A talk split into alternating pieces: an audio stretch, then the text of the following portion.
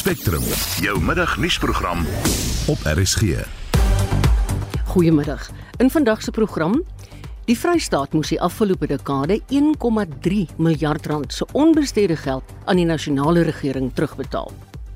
2900 soldate word in die DRK ontplooi. En Wêreldradiodag word vandag gevier. Welkom by Spectrum. Die span is redakteur Wessel Pretorius, produksieregisseur Johan Pieterse en ek is Marie Takreur.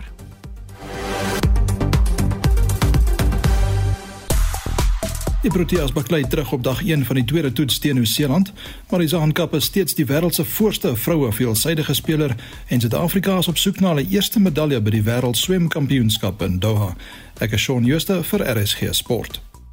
Kyk as jy nou al die hele oggend RSG luister, dan sal jy deeglik bewus wees van die feit dat ons Wêreldradiodag vier. Ons wil graag vandag by die luisteraars weet hoe die manier hoe jy na radio luister verander oor die jare. En speel dit 'n groot rol in jou lewe? Ons sal dit baie graag wil hoor. SMS gerus vir ons na 45889 gaan jou rand 50 uit die sak jag of jy kan enige tyd vir ons 'n WhatsApp stemnota los. 076 536 6961. Is jy op soek na Pogings om die kragtoevoer in die sentraal Karoo te herstel gaan onverpoest voort. Sewe kragmaste het nie nou Saterdag nie, maar die vorige ene tydens 'n stormsterk wind ineengestort. Die wyd verspreide kragonderbreking het dorpe soos Roggeveld, Lyngsburg, Leeugamka, die Swartberg, Maatjiesfontein en omliggende gebiede getref. Die Karoo Hoogland munisipaliteit het die gebied as 'n rampgebied verklaar. Die Wes-Kaapse minister van plaaslike regering, omgewingsake en ontwikkelingsbeplanning, Anton Bredel, sluit nou by ons aan. Hallo Anton. Hallo Mariet. Hoe groot is die aanvanklike impak van die kragonderbreking? Nee, dis baie groot. Ehm um, ons leer ook baie lesse want dis maar wat ons altyd gesê het, dis 'n kleinerre blackout wat kan kom met want skielik is daardie area sonder elektrisiteit. So ons ons ons planne wat ons in plek gesit het word ook getoets. So ons leer ook baie. Maar dis baie ongerieflik en ongemaklik vir die inwoners van daardie areas. Ja, mens kan dink nou. Waar staan die herstelwerk nou, Anton? Man, die eerste fase was om Eskom te ondersteun om op die perseel te kom en dis 'n baie moeilike perseel want die grond is regtig baie hard. Ek was self op die perseel is baie rotsagtig waar hulle moet moet moet inwerk. So hulle datum is die 15de. Ons het regtig gehoop ons kan dit druk dat ons voor want mm. vinniger beter vir die arme mense.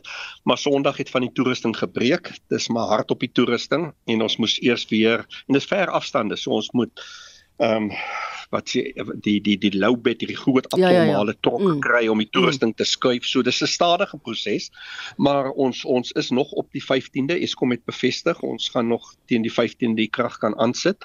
Maar die provinsie dis 'n baie wyeer plan. Onthou terwyl ons Eskom gehelp het met toerusting en om daar te kom, moes ons kragopwekkers kry om die waterwerke aan die gang te hou, die groot waterwerke sodat die rioolplase ook kan werk hmm. en ons hospitale en ons skole en skielik het ons hospitale was oorval van mense wat daar kom sit om hulle selfone te laai en hulle en so woude kom en MTM het baie vinnig na die tafel toe gekom en vir ons laaistasies neergesit in Prins Albert en in Lensburg en ons is besig om te onderhandel vir Maries ag vir uh, Merwewil en vir Maatjiesfontein ook.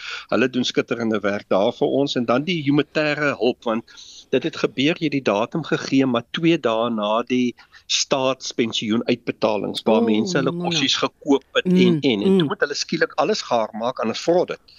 Ehm um, so die arme mense is baie hard geslaan so die die mense wat humanitêre hulp gee ons departement van sosiaal maatskaplik gift of the givers heal our land afriforum DHL is fantastiese vennote wat dadelik tafel toe kom nie vra vra nie en en help dat ons mense net aan die gang kan hou. En die humanitêre hulp sal nog vir 'n paar dae na donderdag moet aanhou want dis dis so dis mense ja. het swaar gekry. Die ja. die arme mense is hard getref. So dis ons fokus om hulle daar te help en dan ons kry nou gereeld oproepe want ons kragopwekkers is nie ontwerp eintlik om 24/7 te hardloop nie. So mm. hulle raak warm en hulle breek. So die vervanging daarvan om ons skole en ons hospitale aan die gang te hou is krities. Ehm um, dit loop tans en alles is onder beheer, maar ons hou 'n fyn oog daarop. Jy weet dit is nie wonderlik nie in sulke moeilike tye wanneer 'n mens deur 'n probleem gaan dat almal so saam staan. Ek luister nou na almal wat jy nou genoem het wat betrokke is en wat net eenvoudig help. Dis altyd vir my sulke goeie nuus. Is daar dorpe wat se krag al heeltemal herstel is?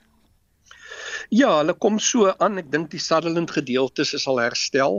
Ehm um, hulle kom daar van die Noord-Kaapse kant af. Ehm um, maar die 'n groot gedeelte en dan onthou die storm het ook Oeverstrand hard geslaan. Ja. Ehm ja. um, Boston daai areas. Hmm. Hulle was so 5 dae af toe kom hulle aan. Maar hy die Karoo die hardste getref. Ehm um, die Karoo Hoogland wat 'n ramp verklaar het, dis dit dit tel eintlik niks op hierdie stadium want dit is rampverklaring werk anders binne die wetgewing. Ehm um, ons ons fokus net eenvoudig. Kom ons kry dit reg kom ja. ons ondersteun die mense en dan wat ons nie genoem het nie is landbou wat vir ons help om gratis ook kos uit te ry. Onthou van Prins Albert na Merwewil is, is groot afstande. Mm. en 'n individu wat gekom het en gesê het weet julle wat die ouer tyd kry swaar hier's 10000 rand vir diesel vir hulle. Ons betaal dit in by die pompe. Dis goed wat werklik vir 'n mens hoop gee vir Suid-Afrika. Ja Dis baie waar wat jy nou daar gesê het. Is daar enige plek wat glad nie skoon drinkwater het nie? Nie op hierdie stadium nie. Ons het dit as een van ons fokusse om drinkwater te gaan aflewer by skole en by ouerhuise en hospitale. Ehm um, dit is redelik onder beheer die drinkwater. Ons het van bottelwater tot 5 liter kanne water. Ehm um, ons het met Maatjiesfontein op 'n stadium gesukkel, maar ons het hulle aan die gang gekry. Ehm um, so almal het skoon drinkwater. Die die drink die die water onder druk is tans by Prins Albert. Ons werk baie nou saam met die waterraad daar en met die kragopwekkers om om daardie stelsel aan die gang te hou mm. en daarom ook 'n beroep op die publiek. Ehm um, gebruik spaarsaam want alles is onder druk. En Anton, miskien is dit 'n goeie plan as iemand nou in daai geweste gaan kuier dat hulle water saam met hulle ry. Ja, dit is dit is ook 'n baie goeie idee. En vat sommer 'n 5 liter ekstra en los dit by die motor avonds ja. vir vir mense wat ja. swaar ja. kry. Ehm um, mense mense vir mense waardeer dit ontsettend die hulp wat 'n ou vir hulle gee as jy daar kom. Ai, dis wonderlik. Baie dankie in sterkte. Jy sê ons fokus nog op donderdag om klaar te wees. Ons fokus op donderdag, ja. Dankie Anton. Dit was die Wes-Kaapse minister van plaaslike regering, omgewingsake en ontwikkelingsbeplanning, Anton Bredel. In ons inleiding net nou toe die program begin het, het ons gesê 1,3 miljard rand. Dis die bedrag geld wat Vrystaatse regering die afgelope 10 jaar beskikbaar gehad het om in verskeie portefeuilles te bestee, maar eenvoudig net nie bestee het nie daarmee ten einde dienslewering in hierdie provinsie te verbeter nie. Die geld moes dus aan die nasionale tesourie terugbetaal word omdat die geld verbeurd verklaar is. Die Vrystaatse LUR vir Finansies, Khadija Brown, het die inligting in die Vrystaatse wetgewer bekend gemaak op 'n vraag van die Vryheidsfront Plus wetgewerlid Armand Kloete. Ons praat nou met Armand. Goeiemôre. Middag uh, Marie en middag aan die RSG luisteraars. Jy het blykbaar 'n berekening gemaak oor wat die Vrystaatse regering alles met daai geld kon doen. En dit sluit onder meer in infrastruktuur en hulpbronne wat baie dringend in die Vrystaat nodig is kom ek begin dit sê dis 'n absolute skande. As jy kyk oor 'n tydperk van 10 jaar en jy mens dink aan wat alles gedoen kon word met daai 1,3 miljard rand in 'n provinsie wat dit soos jy sê dringend nodig het. Uh, kom ons begin by huise en die president het derdag het hy gepraat oor huise. As jy daai bedrag vat en jy gaan kyk na die kostes van uh, uh, HOP huise, kon jy 6000 huise gebou het in die afgelope 10 jaar. As jy kyk na wat uh, uh, byvoorbeeld uh, staatshospitale jy sal uitwerk, um, as ek mis dit is so 13 staatshospitale skole skole wat ons weet 'n behoefte na is reg oor die land maar ook in die Vrystaat. Ek het 65 skole gebou het in 10 jaar se tyd nie daai bedrag. So dis die realiteit van 10 jaar onder die ANC in die Vrystaat. En ehm um, dis dis hartseer dat uh, elke jaar hoor ons uh, wanneer daar nou uh onderhandel moet word oor uh hoeveel geld provinsies moet kry. En dan sê die Vrystaatse regering en daaronder ook die ANC ja maar die Vrystaat kry te min en hulle kan nie by al die dienslewerings uh, kwessies uitkom nie. Maar as jy kyk na die geld wat hulle nie aangewend het oor ja. 10 jaar nie dan kon hulle definitief baie meer gedoen het. Maar hulle duidelik het nie gedoen nie want dit gaan vir hulle oor kaderaanstellings dit gaan vir hulle oor uh, regstellende aksie en swart ekonomiese bemagtiging. Dis mense wat nie die werk kan doen nie. Dis mense wat nie kontrakte eh, kan kan monitor nie. Dis mense wat nie projekte kan afhandel nie. Dis hoekom soveel geld in die afgelope 10 jaar, 1,3 miljard gemors is. Ja, onbekwaamheid klink vir my na 'n baie groot probleem dan daar.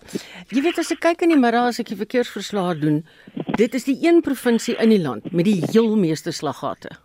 Hmm beslis en is ook die provinsie wat gereeld uh, geld teruggee aan die na nasionale uh, fiskus. Ek dink as ons gaan kyk na die die die Vrystaatse regering of die Vrystaatse departement van paaie, dis eintlik nog gemeenskapsveiligheid en en paaie het soveel as 89 miljoen teruggegee oor die afgelope uh oor die afgelope 10 jaar. Ehm um, maar behalwe dit is daar net projekte wat staan. Ons weet van 'n hele paar projekte wat staan omdat dit dit in die hof is. Uh sodra hierdie projekte nie nie nie uh nie afgehandel word nie, dan gaan die die die kontrakteurs hof toe en die departemente gaan hof toe en uiteindelik word dienste nie gelewer nie. Daar baie is uh, doodsbaai op die stadium. Weerens 10 jaar se wanbestuur onder die ANC.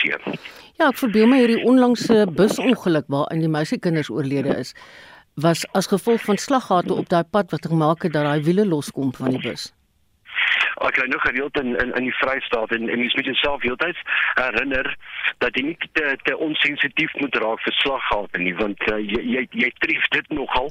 Sommige paaie is erger as ander maar in daai omgewing waar die die die die voorval plaasgevind het uh, is dit baie sleg. En en ons het alreeds van tevore het ons probeer druk op die regering uitoefen om te sê maar vir al daai pad uh, spandeer aandag daar. Um, en dan is daar ander groter roetes uh, wat aandag nodig het. Maar weer eens, die die politieke wil om dit goed te herstel is moment. Jy het nou net nog genoem van onbekwaamheid en nou die politieke wil ook, die afwesigheid daarvan. Maar wat is dink jy dis die grootste redes vir hierdie onderbesteding?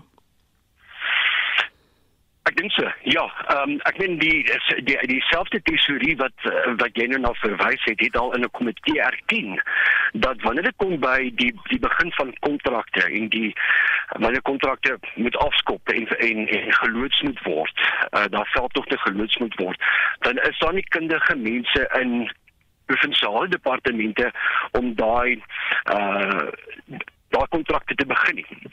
Ehm um, So dis een van die probleme. Ons weet ook dat die Vrystaat 'n magdom ehm um, staatsamptenare het, regeringsamptenare het wat nie vol wat nie die nodige kwalifikasie het om hulle werk te doen nie.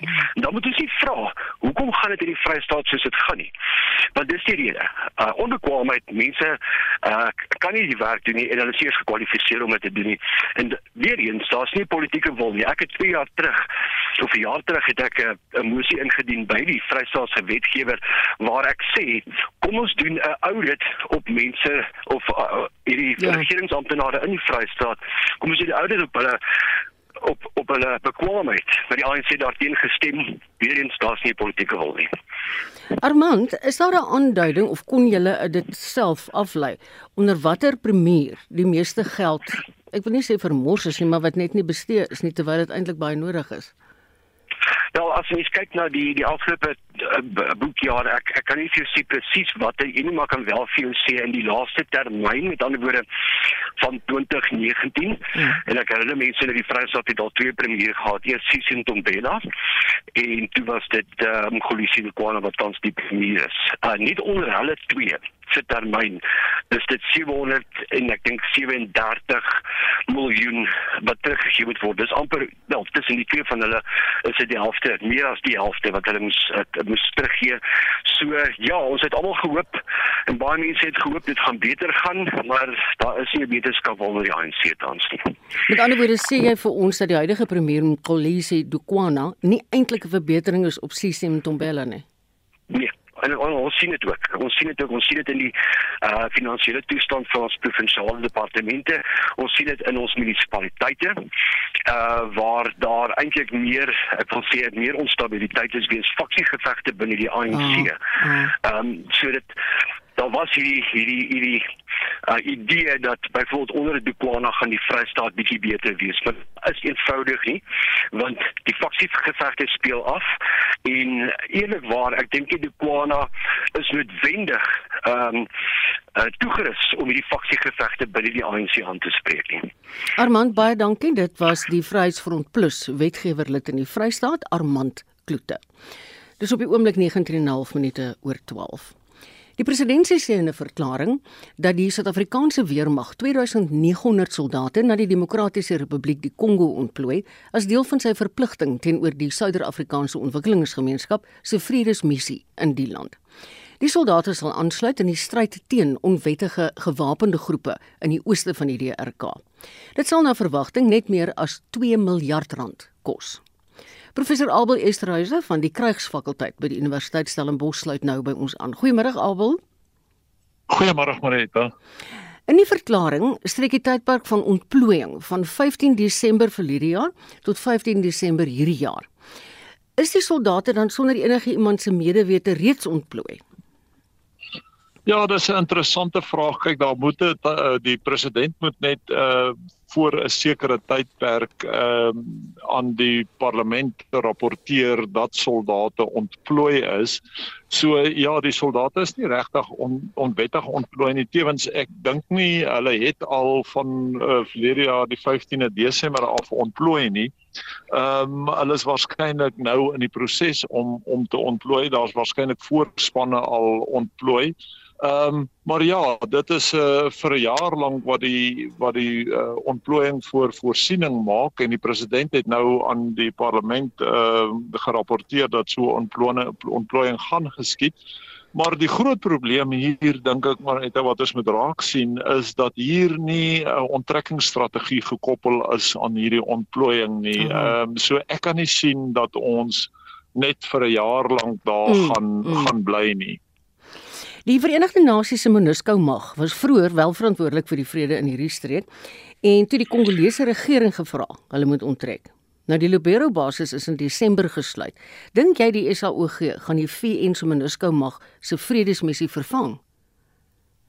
Wel, dis 'n interessante vraag en ons kan baie daaroor spekuleer. Jy weet net uit 'n uit 'n die magsgrootte perspektief dink ek sit ons met 'n groot probleem. Jy weet die die VN mag saam met die burgerlikes was in die omgewing van 17000. Uh die SADC mag is nou 'n mag van 5000 uh die VN het in 20 jaar nie regtig kon hondhaar afmaak uh in daardie gebied nie. Ek kan nie sien dat 'n brigade van 5000 uh daar uh regtig uh strategies effektief gaan wees nie.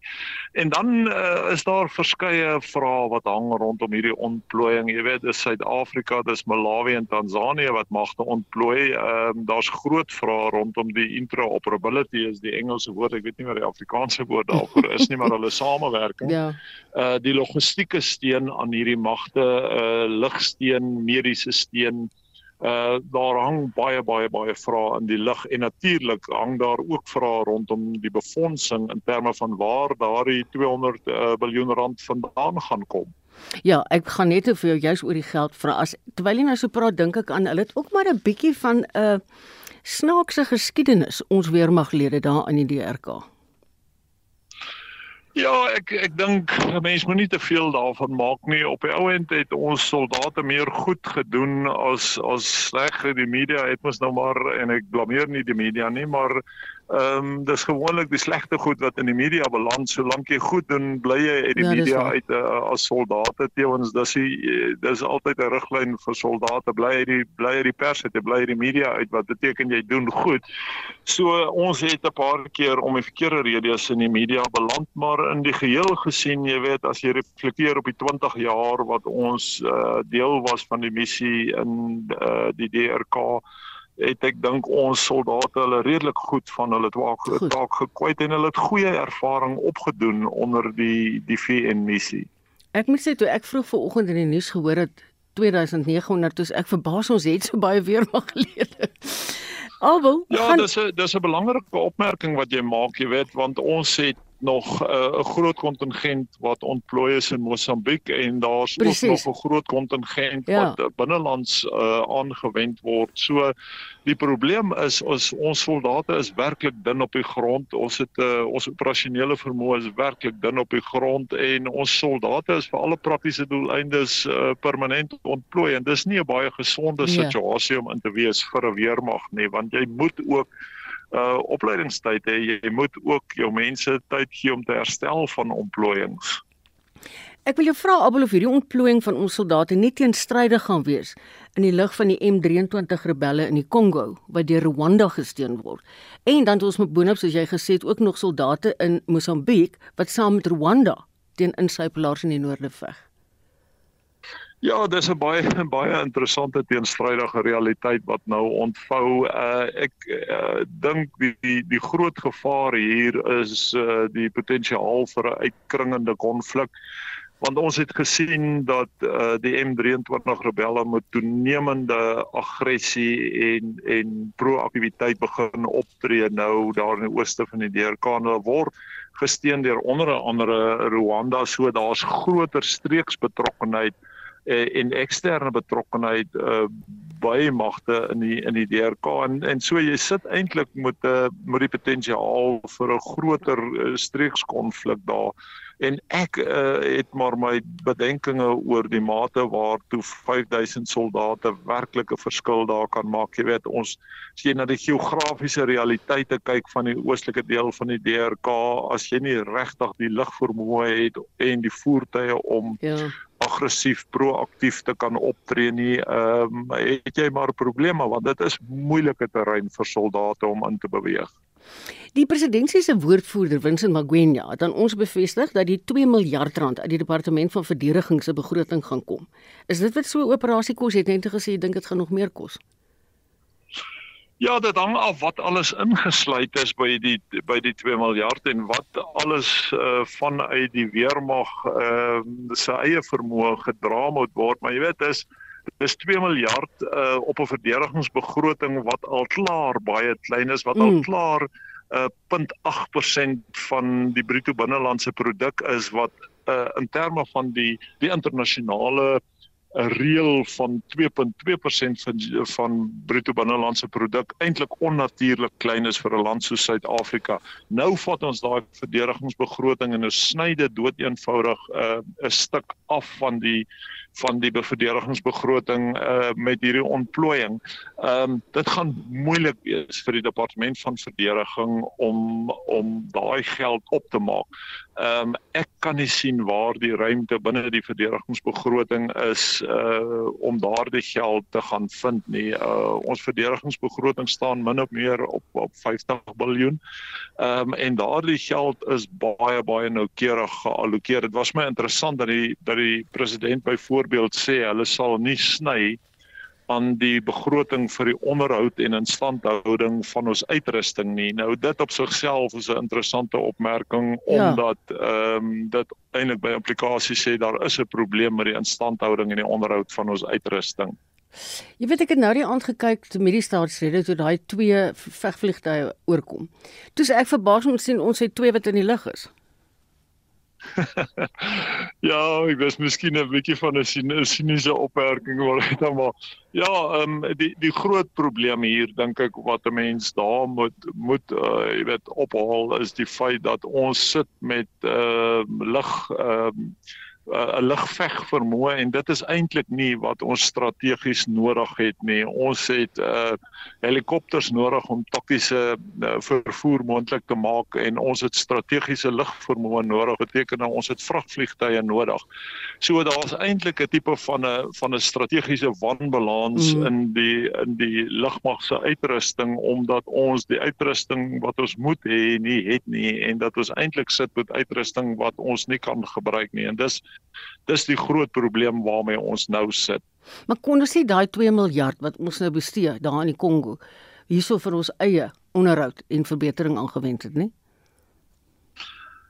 Ja, dis maar altyd die die groot vraag, wat is die wat is die alternatief uh en en is daar werklik soveel belange vir Suid-Afrika in die DRK dat ons daardie tipe van uitgawe moet aangaan? Ek dink dit is makliker om te motiveer nader aan die huis in Mosambiek waar jy met 'n probleem sit en dis half op ons grens.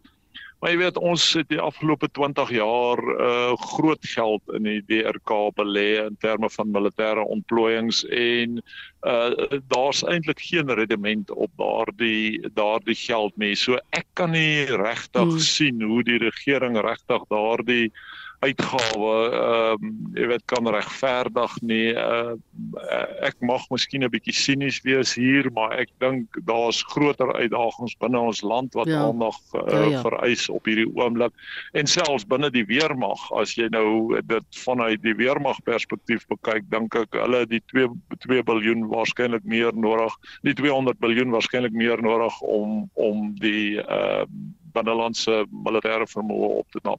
Abel baie dankie. Dit was professor Abel Esterhuise van die Krugsfakulteit by die Universiteit Stellenbosch. Jy luister na Spectrum. Elke week saterdag tussen 12 en 1. Dis op die kop half 1. In die tweede helfte van ons program, die jongste oor die krieketoets teen die swart pette. En soos julle nou al weet, Radio Wêreld Wêreldradio Dag, Radio Wêrelddag word vandag gevier. Ons nooi jou bly gerus ingeskakel.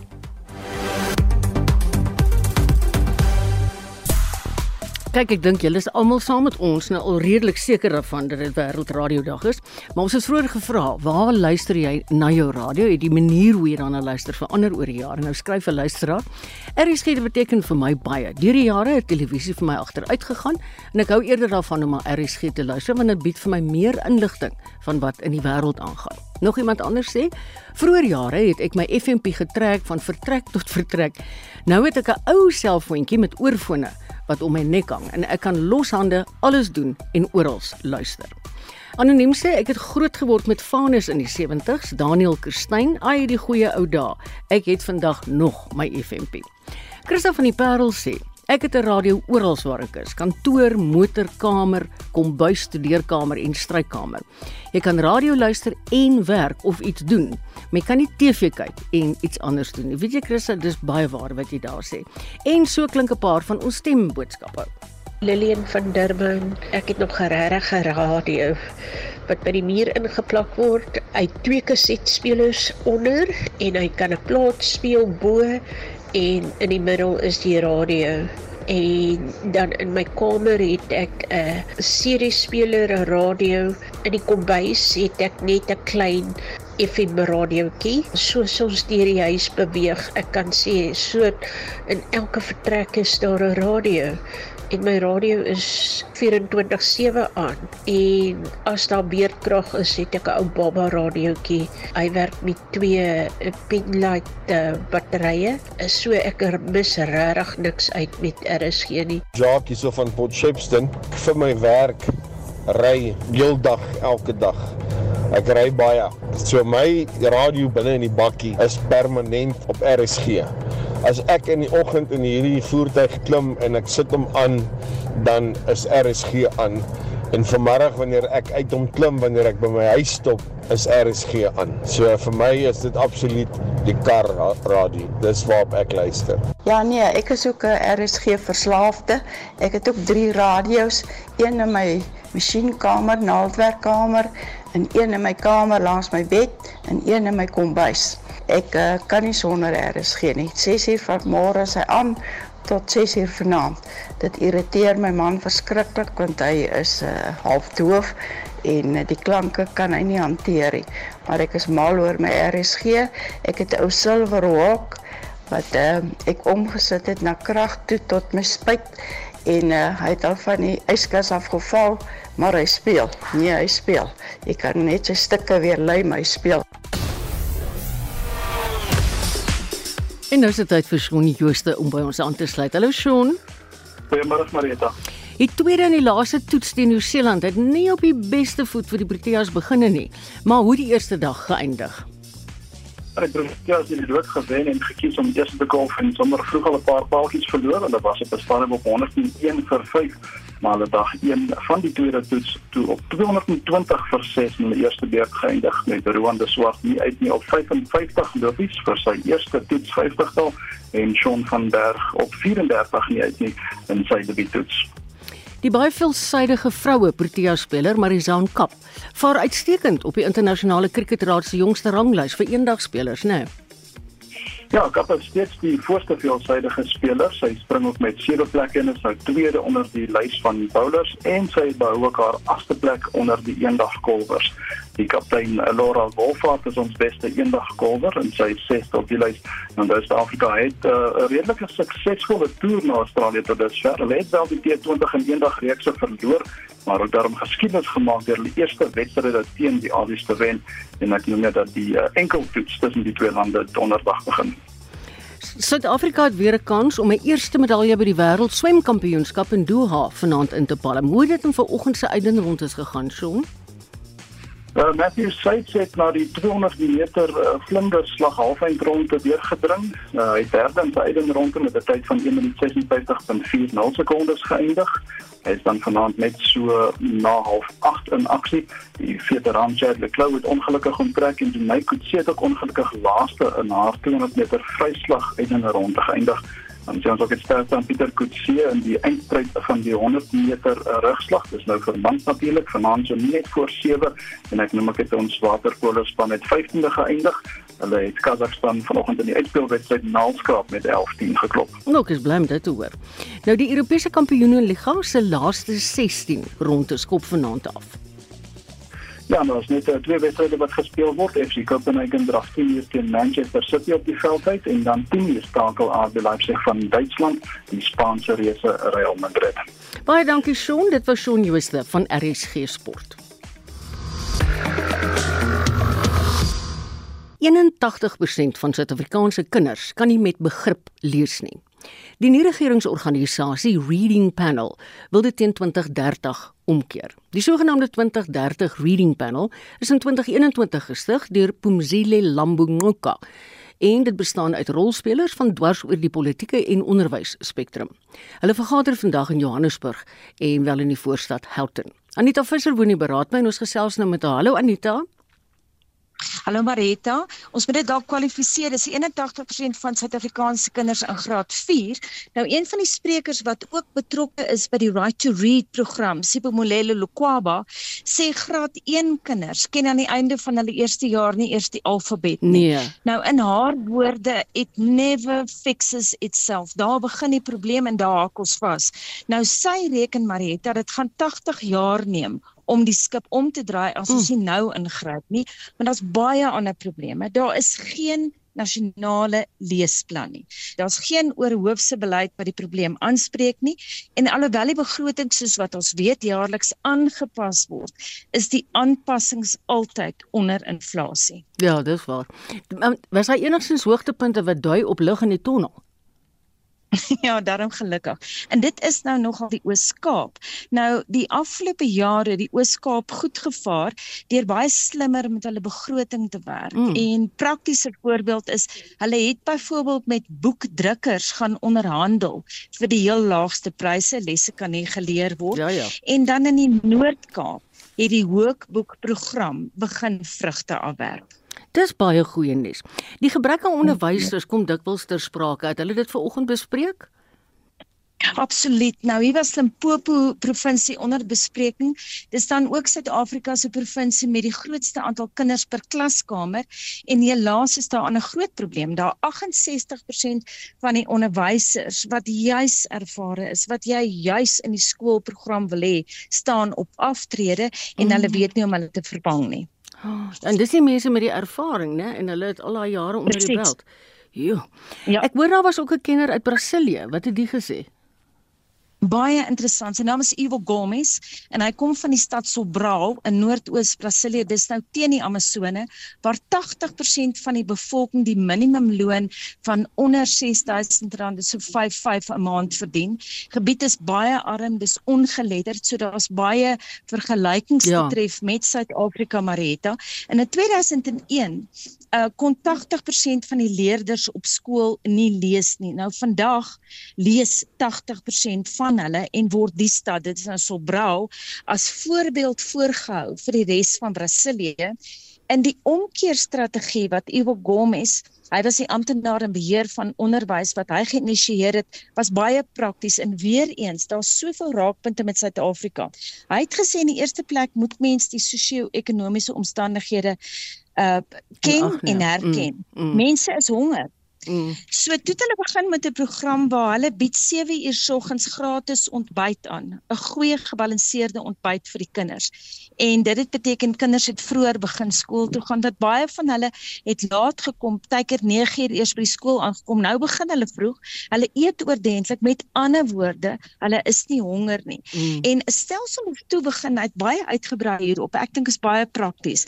Dis geskoei op onderrig vir onderwysers en munisipale skole is toe opgerig waar onderwysers opleiding gekry het oor hoe om kinders te leer lees. Dit was baie verstommend ja. dat die onderwysers, en miskien is dit hier ook so, hulle weet nie om die kinders te leer lees nie. Hm. Hulle het dit nooit op universiteit geleer nie en daai program het 'n groot verskil gemaak. Nou volgens Gomez is daar nou ook verpligte evaluering van onderwysers en kinders se vaardighede en dit na elke semester. En daar was baie gelaggery want hy het gesê o, die onderwysers was vreeslik daarteenoor gekant want hulle het gedink die owerheid, die owerheid van hulle ontslaa raak en stel nie belang in hulle nie en waardeer hulle nie en toe het hulle mooi verduidelik dit gaan alles oor die kinders. Ja. Nou nog 'n faktor wat hy gesê het, hy het nogal baie klem gelê in Brasilië nou. Ek praat nou van in die Noord-Ooste, nê, dis nou Sobral. Mm. Nog 'n faktor is die streng kering van skoolhoofde. Die skoolhoofde moet almal aktief by die hele proses betrokke wees. Hulle woon ook hierdie verpligte evaluering by van die ah. skoolkinders en die onderwysers. Hulle gaan na die munisipale munisipale skool toe dat hulle kan kyk hoe die onderwysers weer eens met ander woorde die onderwysers word eintlik heropgelei. Ja. So hulle is aktief betrokke by alles en hy het gesê die ander ding jy moet kyk na die hele sosio-ekonomiese mm. prentjie. Dit is die konteks. Ja. En daar is hulle bewus van elke kind in die skool se sosio-ekonomiese omstandighede. So as Pietie Smit fokus, is dit dalk omdat hy honger is ja. of wat ook al. Ja. En hulle hulle doen dit in Brasilië. So ek dink dit is alles. Dis alles baie prakties en dis goed waarby ons kan baat, ons kan leer daarbey. Maar net laastens want ek weet jy hou van onderwys stories Marita. Ja, ek hou daarvan. Daar's 'n stelsel, ek weet. Daar's 'n stelsel in Brasilië wat anders is as hierso. Die 0 tot 14 ja. se onderwys dit hanteer munisipale owerhede en dan van 14 en oor mm. gaan na die staat toe. So hulle stelsel verskil daar 'n bietjie, maar dis baie interessant. Ek het ook nou gesien met teetyd hoe almal om hom staan en gesels. Daar's duidelik baie raakpunte, baie wat ons by die Brasiliane kan leer en miskien kan hulle iets by ons ook leer. Jy weet wat vir my interessant hierdie reading panel wat gister is in 21. Want ek meen ek dink almal mm. kan sien letterlik van alle spektrums dat hulle kom nie in mars in die gewone skool op nie. So iets moet gedoen word om 'n plan in werking te stel. Dit klink vir my wat jy nou sê van die ou van Brasilië, dis baie wat hulle daar gedoen het. Baie baie soortgelyk en soos ek sê dan praktiese goed soos eetplanne. Kinders moet kos hê. Hoe kan jy leer as jy honger is? Ja. Dis baie reg. Anita baie dankie. Geniet die res van die dag. Dis my kollega Anita Visser wat op die oomblik die reading panel beraad in Houghton hier in Johannesburg bywoon. Die minister van menslike nedersettings, Mamaloko Kubai, het gister met nie-regeringsorganisasies in die Wes-Kaap vergader oor die vordering wat gemaak word met die opgradering van informele nedersettings. Die departement raadpleeg tans gemeenskappe oor die wetskrip op menslike nedersettings wat die behuisingswet van 1997 sal vervang. Anne Marie Jansen van Vuren doen verslag. Die wetskrif oor menslike nedersettings sloer al vir jare en fokus onder meer op volhoubare behuising. Minister Mameloko Kubai belig van die kwessies wat hierin ondersoek word. Major issue which we are already dealing with it's around the transparency of our database so that people can see where they are on the list. But again, one of the things when I got to the portfolio that was highlighted, as council changes, there's elections, they find that even when party changes, people remove other beneficiaries from the list on the basis of the parties, and we want to protect that from manipulation or removal. You'd note that the current qualifying criteria says that if you have been a previous owner of a house or a land or any other form of property, you do not qualify for an RDP. So, those of us who deal with issues of gender based violence, especially on the women's organizations, we find in this difficulty is the issue of selling of RDPs. Now, one of the and, in terms of as an economic opportunity, we raise it that our RDPs are an economic opportunity or economic asset in our hands. Now, the current policy and law says that you can only sell after eight years, but in terms of law, you must sell to us. And our practical experience is that that is not happening. 'n Lid van die Heideveld Ontwikkelingsforum, Vanessa Adrianse, sê die verkoop van HOP huise moet nie eers bespreek word nie. Our input is you can never get a house because it's needed and then you sell that houses. We witness because of that that people can sell their houses where houses is being sold and then we as NGOs that has feeding schemes and shelters needs to care for that kids but they got the house but because they sold their houses. So it cannot be normal. So we shouldn't even discuss that. Beatrice Davis van die St Mary's Home of Hope sê sy is al voorheen deur behuisingswetgewing benadeel. If you go, I am was divorced. And the concept from the divorce were that I could not claim on the house. But before that, My husband inherited the house from his mom. My hands has been cut off because while we have a joint house now, but due to the divorce that curbs me to claim from the house. Makim Bonde van die Kaapse Metro Ontwikkelingsraad vra dat die vestiging van menslike nedersettings beter beplan moet word. It's an issue of planning vis-a-vis -vis growth, a population. In our areas, they have migration that happens almost every year. People they are looking for jobs in the metros. Now you have Philippi that was designed for 150,000 people, but if you go to Philippi now, there are more than that. Now you find a point of a sewage challenges because our communities they are more interesting in terms of numbers. Dit was Makie Mbonde van die Kaapse Metro Ontwikkelingsraad. Die verslag is saamgestel deur Celine Merrington in die parlement. Ek is Anne Marie Jansen van Vuren vir SAK nuus. Kunsmatige intelligensie en invloed wat dit op ons lewens kan hê, word 'n al groter kwessie. Veral omdat daar nog nie in Suid-Afrika enige beleid oor die gebruik en die toelaatbaarheid van KI geformuleer is nie. Maar wat is die gevare in die radio-uitsaaiwese? Vandag op internasionale radiodag praat ons met Dr Tanya de Villiers Botha. Sy is 'n senior lektor in die departement filosofie en hoof van die eenheid vir etiek van tegnologie in die sentrum van toegepaste etiek. Dis 'n baie lang titel. Goeiemôre Tanya. Goeiemôre, baie dankie. En dis nou by die US, né? Nee? Ja, ja, Stellenbosch Universiteit. Wat is die gevare van KI vir radioomroepers? Oh, en wel vir radioomroepers spesifiek dink ek daar is die moontlikheid dat dele van hulle werk geautomatiseer kan word. So daar is voorbeelde byvoorbeeld ehm um, internasionaal van radioomroepers wat se stemme gekloon word en uh, wat die kloon basies gebruik word om om van die radioomroepers se werk te doen wanneer hulle nie daar is nie.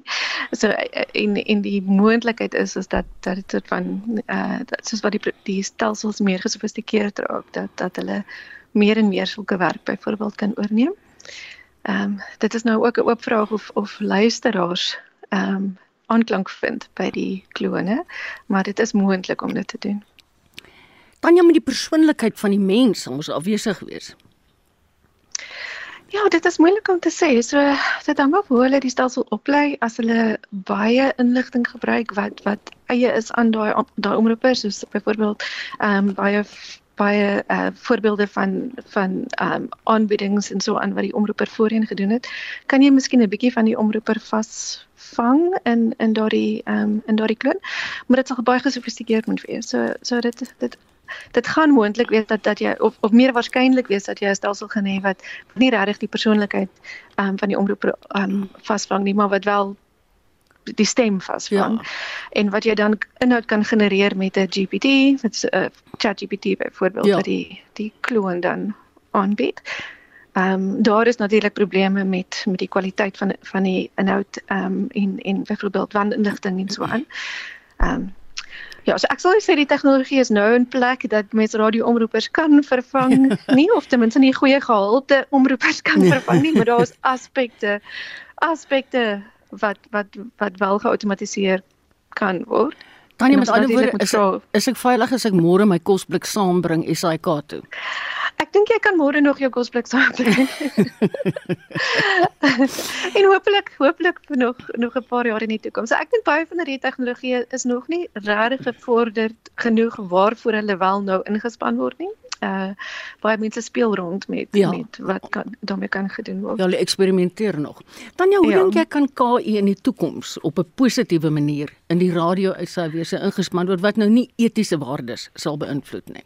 Ja, dis daar's daar's moontlikhede byvoorbeeld om om intydse tolking te doen wat jy wat jy 'n KI uh, kan hê wat uh. programme basies intyds tolk vir ehm um, in verskillende tale byvoorbeeld Miskien as dit regtig ver gevorderd is, kan jy self tolking indoen in in sê net maar gebaretaal of so iets. So so daar's daardie moontlikhede as as die stelsels ehm um, uh met met gehalte data ontwikkel word. Is daai daai opsies daar.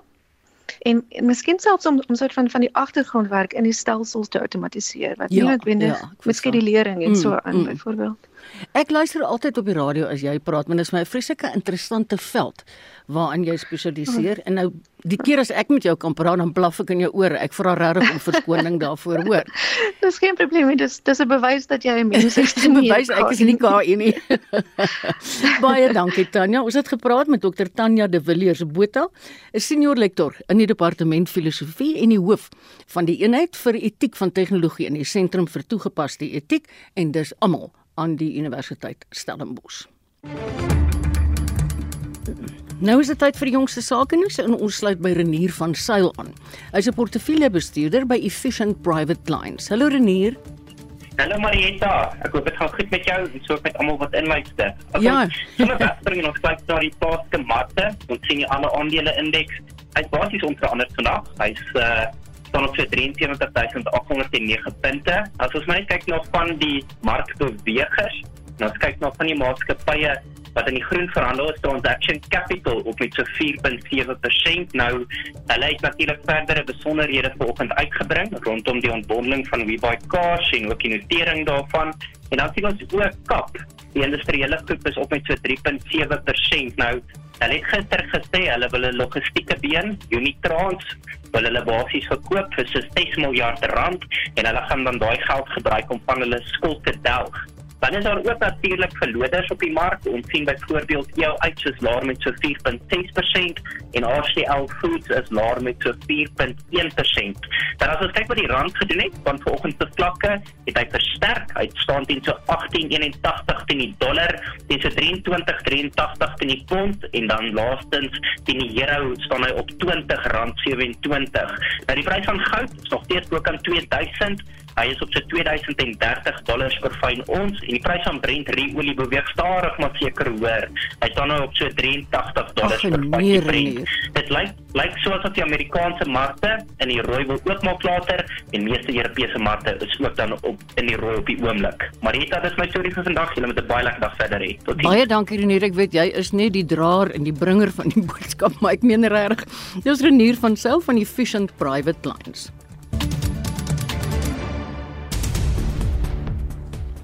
Estie hou vandag vir ons al die nuusstories dop.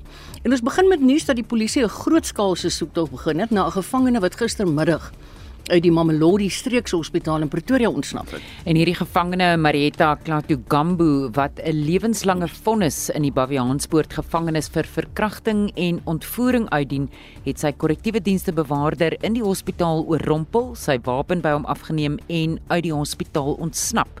Hier is die woordvoerder van korrektiewe dienste Singapaku Nkomalu.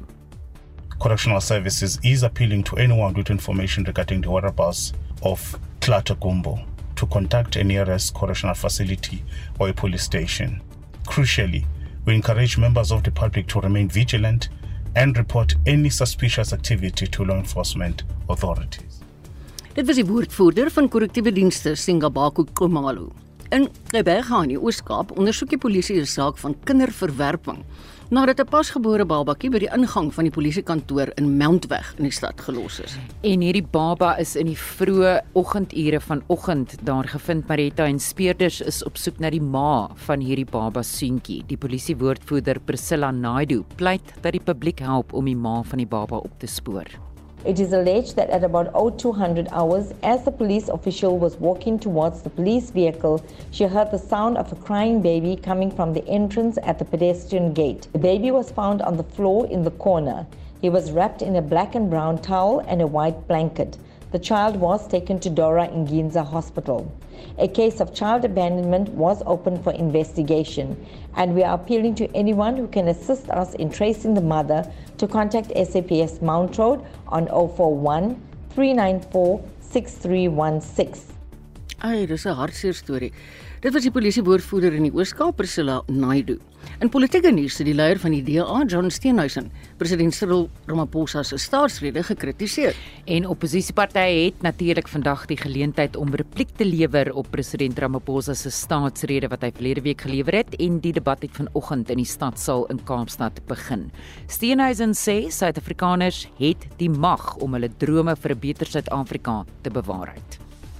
So know this every time the lights go out, every time the taps run dry, every time criminals attack us in our homes, every time a small business shuts down, every time a child dies of hunger, it reminds us all of the dream that we have lost.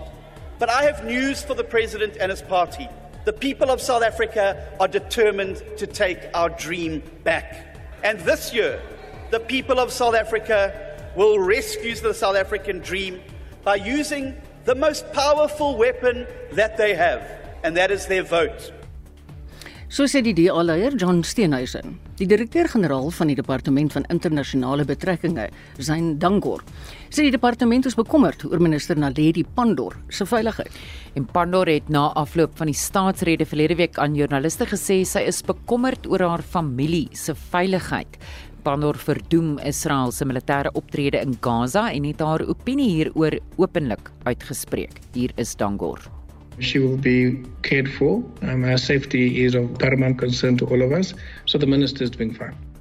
En dis die direkteur-generaal van die Departement van Internasionale Betrekkinge, Zain Dangor. Skakel ook in vir brandpunt om kwart voor 6 vanmiddag vir 'n opsomming van die dag se nuus. Baie dankie Estie, nou weet ons almal wat aangaan. Tyd vir ons hierso by Spectrum om te groet. Ons hoop jy die laaste uur saam met ons geniet. Ons uitvoerende regisseur is Nicoline Lou, vandag se redakteur Wessel Pretorius, die produksieregisseur Johan Pietersen, soos julle hoor het Estie de Klerk baie hard gewerk, so het Marlies Skeepers. En wie was almal nog hierso vandag betrokke? Aan Manay. Ek ja. vir Spectrum net ek en Marlies. O, okay, laat ek dan net vir julle twee op die skouer klop. ons groet van hierdie kant af en gee oor na die Kaapse ateljee waar Marlies reg sit om met ons te gesels in 360.